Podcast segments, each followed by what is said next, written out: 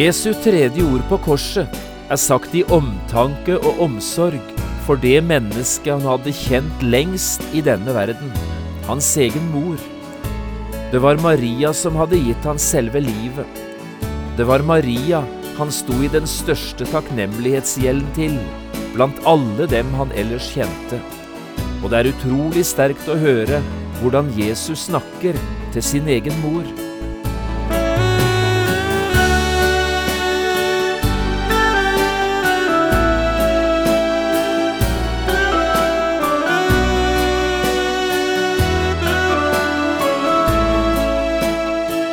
Hjertelig velkommen til et nytt program i serien Vindu mot livet. Programmet er produsert av Kristen Riksradio og blir ledet av Jon Hardang. Kristen Riksradio drives av frivillige gaver. Vi er glade for din støtte.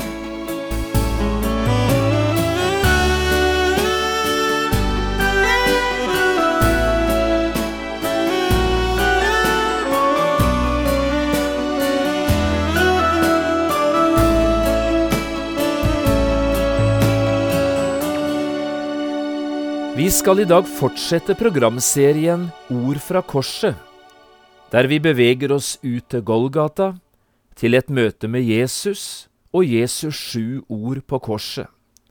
Det aller meste av det Bibelen forteller oss om Golgata, er faktisk knyttet til disse ordene.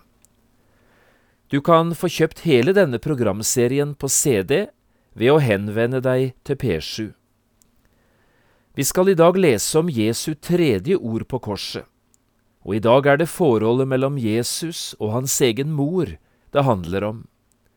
Vi leser fra Johannes evangeliet i kapittel 19, versene 23 til 27. Jeg har kalt dagens program Se, det er din mor.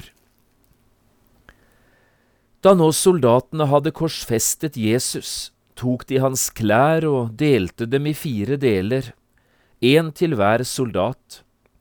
De tok også kjortelen, men kjortelen var vevd i ett stykke ovenfra og helt ned.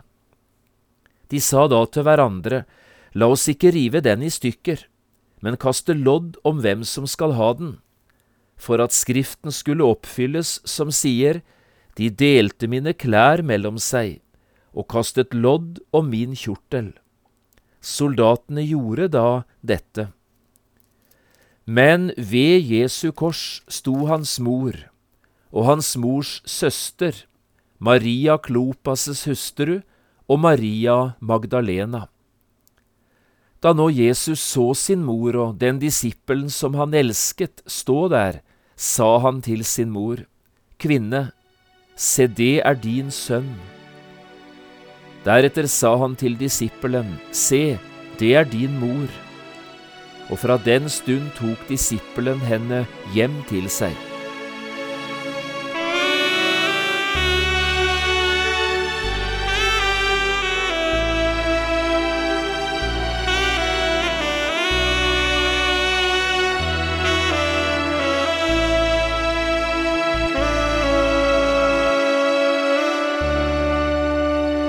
Det er enorme kontraster i den historien vi har foran oss i dag, historien om Jesu død på Golgata. Oppe på korset henger en mann i ordløs pine, men ved foten av korset sitter fire romerske soldater og kaster lodd om den korsfestedes kjortel. På det midterste treet henger en mann som ber for sine fiender, men ved siden av ham henger to ugjerningsmenn som bare banner og spotter. Tidlig på dagen lå Golgata badet i formiddagssol, men på ettermiddagen lå det samme Golgata innhyllet i mørket. Jesu kors var reist utenfor bymuren i Jerusalem. Jesus døde utenfor leiren. Men fra evighet av, før verden ble skapt, hadde korset stått helt i sentrum av Guds store frelsesplan. Jo, det er sterke kontraster i Jesu lidelseshistorie. I seks smertefulle timer kjemper Jesus sin dødskamp ute på Golgata, men aldri en eneste gang Før hans ånd ble satt fri fra kroppen, klaget Jesus over sin lidelse. Men i disse timene hang Jesus bokstavelig talt på tre digre spiker, drevet gjennom hender og føtter. I denne forferdelige stillingen, så utrolig det en kan høres, tenkte Jesus likevel aldri på seg selv. Han tenkte bare på andre. Vi ser det så tydelig når vi hører alle de tre første ord fra Jesus på korset. Først ber han for sine fiender. Far, forlat dem, for de vet ikke hva de gjør. Så vender han seg mot den ene av røverne, som henger der ved siden av Jesus, og som ber om en tanke i evigheten. Sannelig, i dag skal du være med meg i paradis. Og så den kanskje sterkeste og inderligste situasjonen av dem alle, da Jesus vendte ansiktet mot sin egen mor, og lar omsorg og kjærlighet til Maria komme til uttrykk gjennom det tredje ordet fra korset. Kvinne, se det er din sønn. Og til Johannes, se det er din mor. Jesu tredje ord på korset ble altså sagt i omsorg og omtanke for det mennesket han hadde kjent lengst i denne verden. Hun som hadde gitt han selve livet, og som han sto i den største takknemlighetsgjelden til blant alle dem han ellers kjente. Det er sterkt å være vitne til Jesu omsorg for sin egen mor. Hos meg dukker et par vers fra Det gamle testamentet opp i tankene. Først Salomos ord i ordspråkene 23-22.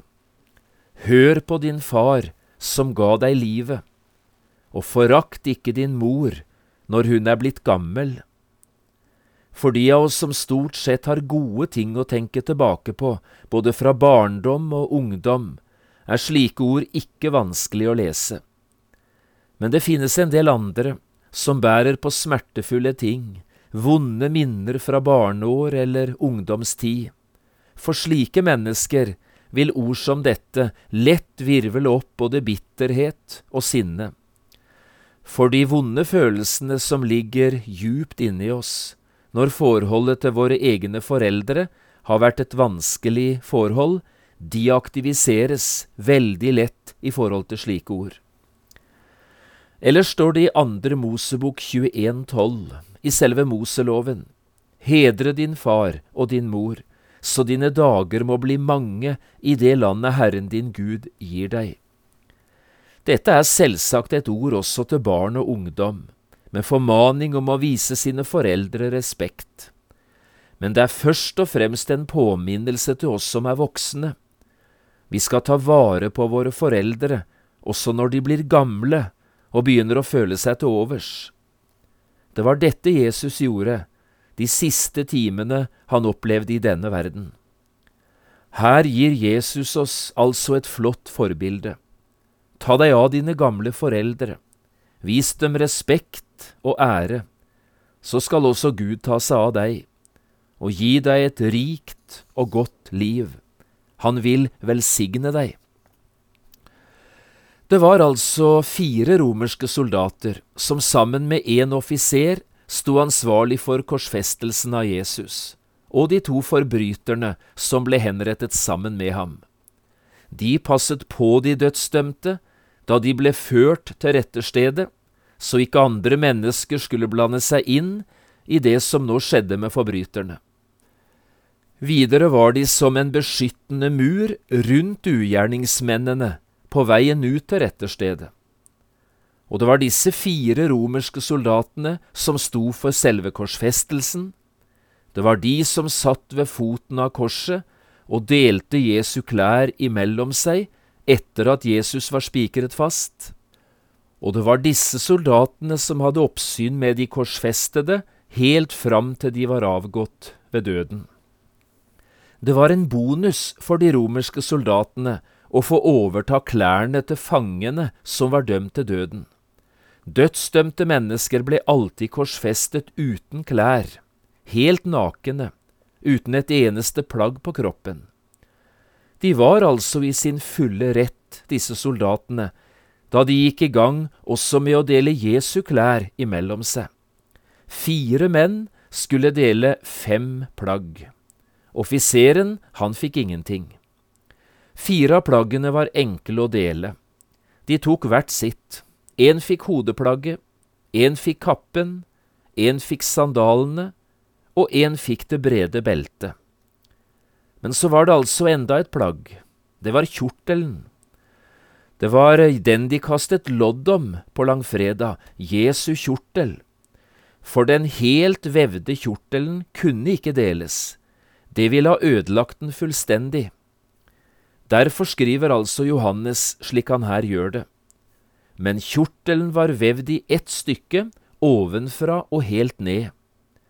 De sa da til hverandre, La oss ikke rive den i stykker, men kaste lodd om hvem som skal ha den for at Skriften skulle oppfylles som sier, De delte mine klær mellom seg og kastet lodd om min kjortel.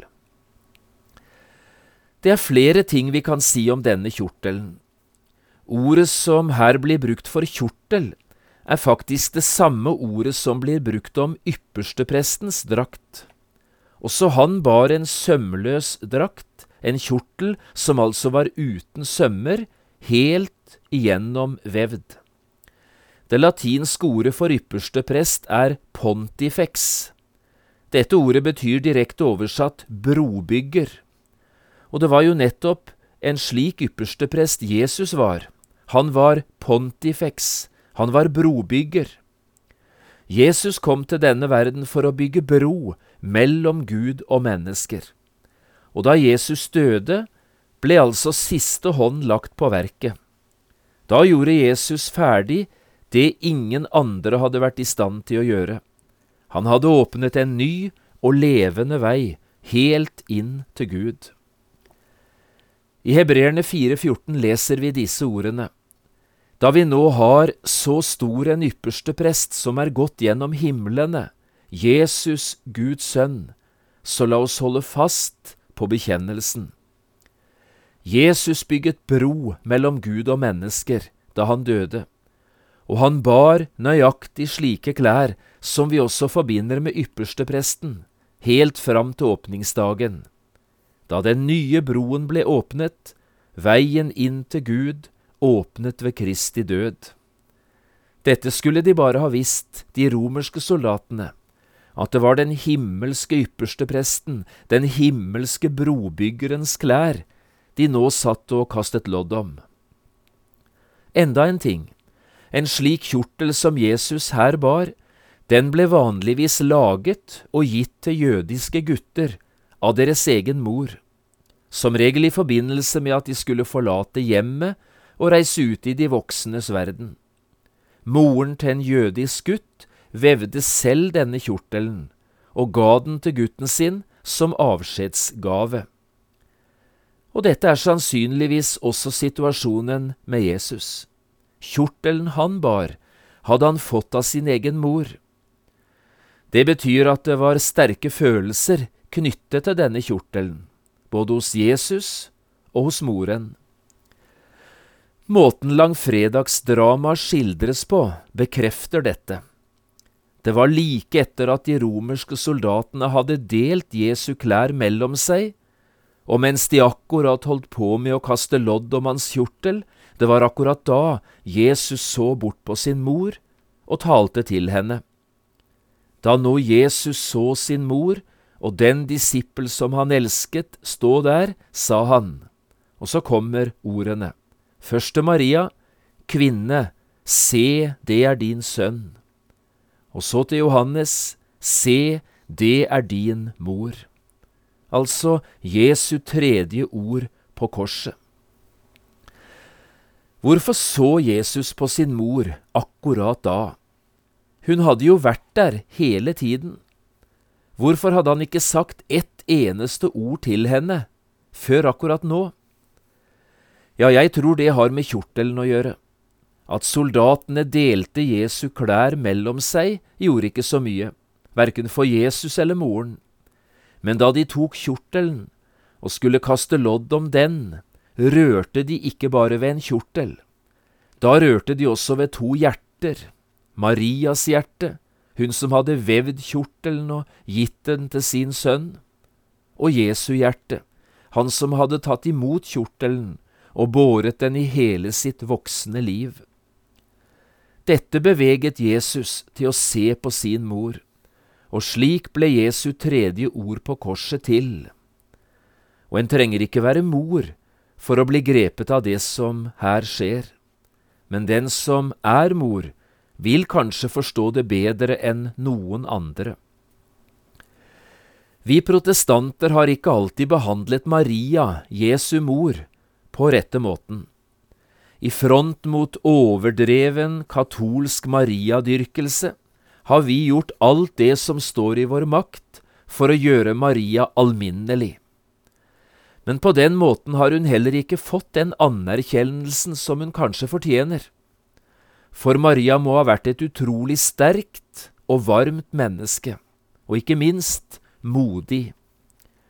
Jesus så sin mor stå der, skriver Johannes. Maria lå ikke nede.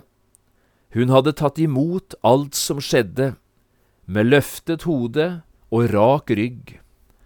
Maria er i sannhet et oppegående menneske. Hun bøyer seg ikke i skam.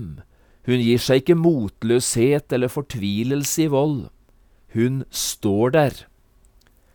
Ingen av oss ville ha bebreidet Maria om hun ikke hadde vært til stede på Golgata akkurat denne dagen. Vi ville ha forstått henne. Men Maria kom, og hun sto nærmere korset enn de fleste. Jesus så sin mor stå der, skriver Johannes, og det var nettopp det hun gjorde, hun sto der. Hun sto løpet ut, om det var aldri så tøft. Det vekker både beundring og respekt, i alle fall hos meg. Når Jesus snakker til henne, sier han altså, Kvinne, se det er din sønn. Og så fortsetter han med å si til Johannes, disippelen altså, Se, det er din mor. Dermed sier Jesus til Johannes, Nå må du ta hånd om denne kvinnen som din egen mor. Ta henne inn i ditt hjem og inn i ditt hjerte. Elsk henne og ta vare på henne slik jeg ville ha gjort det om jeg fortsatt hadde fått leve, og hun vil bli deg like umistelig og kjær som hun har vært det for meg gjennom alle disse årene. Et utrolig fint bilde. To spørsmål dukker opp. For det første, hvorfor overlot ikke Jesus henne til sine brødre? Dersom Jesus virkelig trodde på kjernefamilien, hvorfor ga han sin mor til en disippel og ikke til sine brødre? Dersom vi leser Matteus 13, 54–58, forstår vi kanskje hvorfor. La oss høre dette avsnittet. Jesus kom til sitt hjemsted og lærte dem i deres synagoge, så de ble slått av undring og sa, hvor har han slik visdom fra, og slike kraftige gjerninger? Er han ikke tømmermannen Josefs sønn? Heter ikke hans mor Maria, og hans brødre Jakob og Josef og Simon og Judas? Og hans søstre, er de ikke alle her hos oss? Hvor har han vel alt dette fra? Og de tok anstøt av ham. Men Jesus sa til dem, en profet blir ikke foraktet noe annet sted enn på sitt hjemsted og i sitt hus. Og han gjorde ikke mange kraftige gjerninger der på grunn av deres vantro. Hvorfor ga ikke Jesus ansvaret for sin mor til sine brødre? Jo, svaret er tydelig nok. Det var på grunn av deres vantro. De trodde ikke på Jesus, at han var den han sa seg å være. I stedet hadde de tatt avstand fra ham. I Johannes 7,5 står det rett ut, heller ikke hans brødre trodde på ham. Det er noen iblant oss som ikke våger å gå inn i en tjeneste for Gud, fordi de ikke har støtte fra sin nærmeste familie. Hadde Jesus tenkt slik, ville han aldri ha kommet i gang med det han skulle gjøre, for heller ikke han hadde noen som helst støtte hjemme. Gjennom hele sin jordiske gjerning, like fram til sin død, måtte han leve med at hans brødre ikke trodde på ham. Det var mulig hans mor gjorde det, men hans brødre gjorde det i alle fall ikke. Det er verdt å legge merke til, for det er her vi finner grunnen til at det ble Johannes og ikke Jesu brødre som fikk ansvaret for å ta seg av Jesu mor. Men også et annet spørsmål dukker opp. Hvor befant Josef seg? Jeg vet ikke om du noen gang har tenkt på det. Når hører vi for siste gang om Josef, altså far til Jesus? Jo, det er i Lukas 2, da faren sammen med mor Maria tok med seg den tolv år gamle gutten til tempelet i Jerusalem. Siden er Josef aldri nevnt med ett eneste ord. Ikke da Jesus og moren Maria var invitert til bryllup i Kana, der Jesus gjorde det første underet, og heller ikke siden. Hvorfor det? Ting tyder vel på at faren Josef allerede var død. Ellers ville det ha vært naturlig at det var Josef, Marias mann, som hadde tatt ansvaret for sin hustru. Men hun som nå sto ved Jesu kors og trengte hjelp, hun var enke. Nå trengte hun noen som kunne ta seg av henne videre, og dette ansvaret ble lagt på Johannes. Fra den stund tok disippelen henne hjem til seg, står det i vers 27. Elsk henne, sier Jesus, ta henne inn i ditt hus, og ta det av henne. Og i lydighet mot Jesus' siste ønske er det nettopp det Johannes gjør. Hvordan det siden gikk med Maria, vet vi lite om. Hvor lenge de bodde sammen, vet vi heller ikke. Men at det skulle vare livet ut, det forstår vi for både Marias og Johannes sitt gravsted er å finne i Efesus, på vestkysten av Tyrkia. Et slags signal om at Johannes aldri sviktet den oppgaven som Jesus hadde bedt han ta på seg den siste dagen han levde. Kvinne, se det er din sønn. Johannes, se det er din mor. Slik har vi altså lest i dag. Jesu tredje ord på korset. Ord sagt i omsorg og kjærlighet, både til en elsket disippel og til en elsket mor. Til deg og meg i dag er det imidlertid noe annet som skal sies. Se på Jesus. For han som gjorde det vi har hørt om i dag, han har gjort enda større ting mot deg og meg. Jesus elsket oss, han døde for oss, og vil ta seg av oss. Skulle vi ikke akkurat nå prøve å takke han for det?